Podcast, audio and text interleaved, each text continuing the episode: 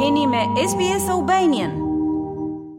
Kryeministri i Kosovës, Albin Kurti, vizitën e parë zyrtare për këtë vit e zhvilloi në Vjenë, ku u takua me kancelarin austriak Karl Nehammer. Pas takimit, në një deklarim për televizionin publik, Kurti tha se janë të nevojshme më shumë takime mes Kosovës e Serbisë, pasi mospajtimet janë të mëdha.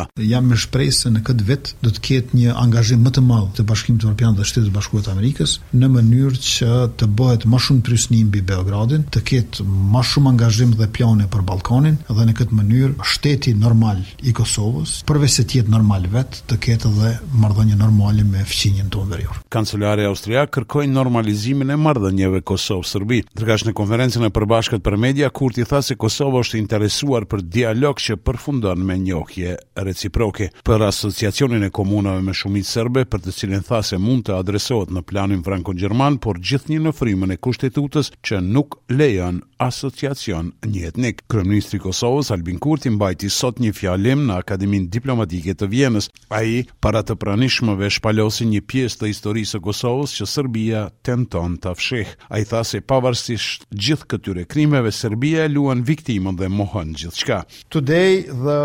Sot, autori që kreu gjenocid vetëm pak më shumë se dy dekada më parë vepron si viktimë dhe mohon krimet. Mohim i plotë, por ne nuk harrojmë. Ai po ashtu shtoi se deri më sot në Serbi janë gjetur pesë varre masive në Batajnicë, Rudnicë, Kizhevak, Peruçac dhe Petrovo Selo, me gjithsej nëntëqind e pesëdhjetë trupa. Midis këtyre trupave ishin 46 anëtarë të familjes Berisha, 14 prej tyre nën 15 vjeç, mes tyre dy foshnje dhe një grua shtatzënë. Pranë varrit masiv është ndërtuar një kishë e re ortodokse serbe.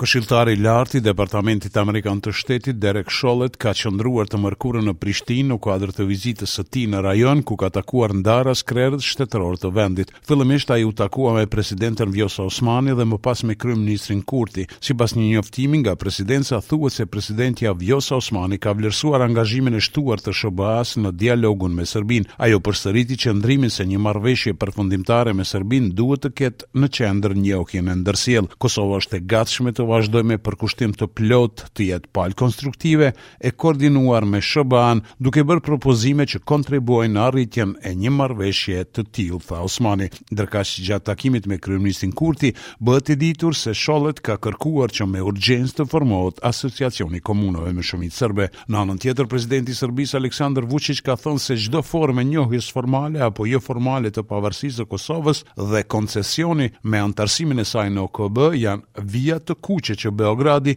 Nuk do t'i kalojë. Vuçiç ka theksuar se të njëjtën gjë ia ka thënë edhe këshilltarit të lartë të Departamentit amerikan të Shtetit, Derek Chollet. Kohët e fundit ka pasur deklarata të shpeshta nga përfaqësues të Shteteve të Bashkuara të Amerikës për urgjencën e krijimit të Asociacionit të Komunave me Shumicë Serbe, por profesori i diplomacisë në Universitetin e Parisit, Valon Murtezaj, thotë se për Kosovën është shumë e rëndësishme që t'i dijë prioritetet e veta dhe se cilat janë vijat e kuqe që determinojnë edhe ruajtjen e kushtetu. tshmërisë. Kosova duhet të angazhohet për marrëveshje finale. Të gjitha çështjet dilematike, shpeshherë edhe problematike, si çështja e Asociacionit, duhet të diskutohen në kuadër të marrëveshjes finale, edhe duke pasur parasysh që procesi i dialogut ka tanimë dhjetë, njëmbëdhjetë vite, kur ka filluar, tani është koha për pasur një marrëveshje finale. Ndërkaq analisti Artan Muhaxhiri theksoi se kërkesat e amerikanëve tashmë janë bërë të qarta për sa i përket çështjes së asociacionit. Ndërsa në anën tjetër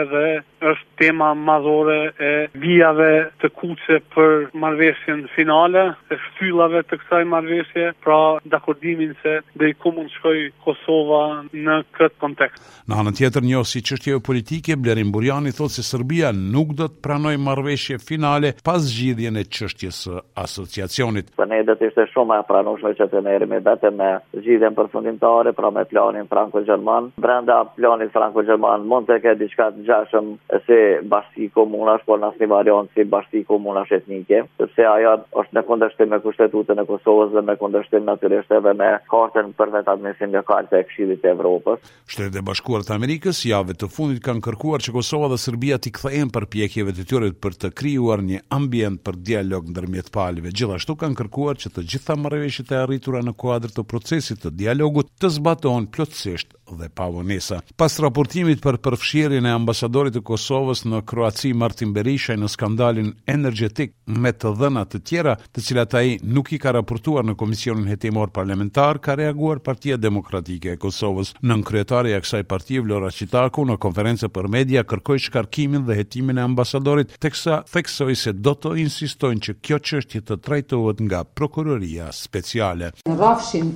penal, kjo çështje do duhej të ishte prioritet për Prokurorinë Speciale. Në rrafshin institucional, ne vlerësojmë se kufiri i çdo lloj integriteti për zotin Berishaj tashmë është kaluar dhe largimi i tij i menjëhershëm nga detyra është përgjegjësi institucionale. Me shumicë votash, Komiteti për Liri Qytetare, Drejtësi dhe Çështje të Brendshme i Parlamentit Evropian ka votuar pro liberalizimit të vizave për Kosovën. Ky është votimi i parë në vargun e votimeve që pritet të ndodhin javët në vijim e që do të çojnë deri te vendimi përfundimtar për heqjen e regjimit të vizave për qytetarët e Kosovës. Për Radion SBS, Mendu Hysa, Prishtinë.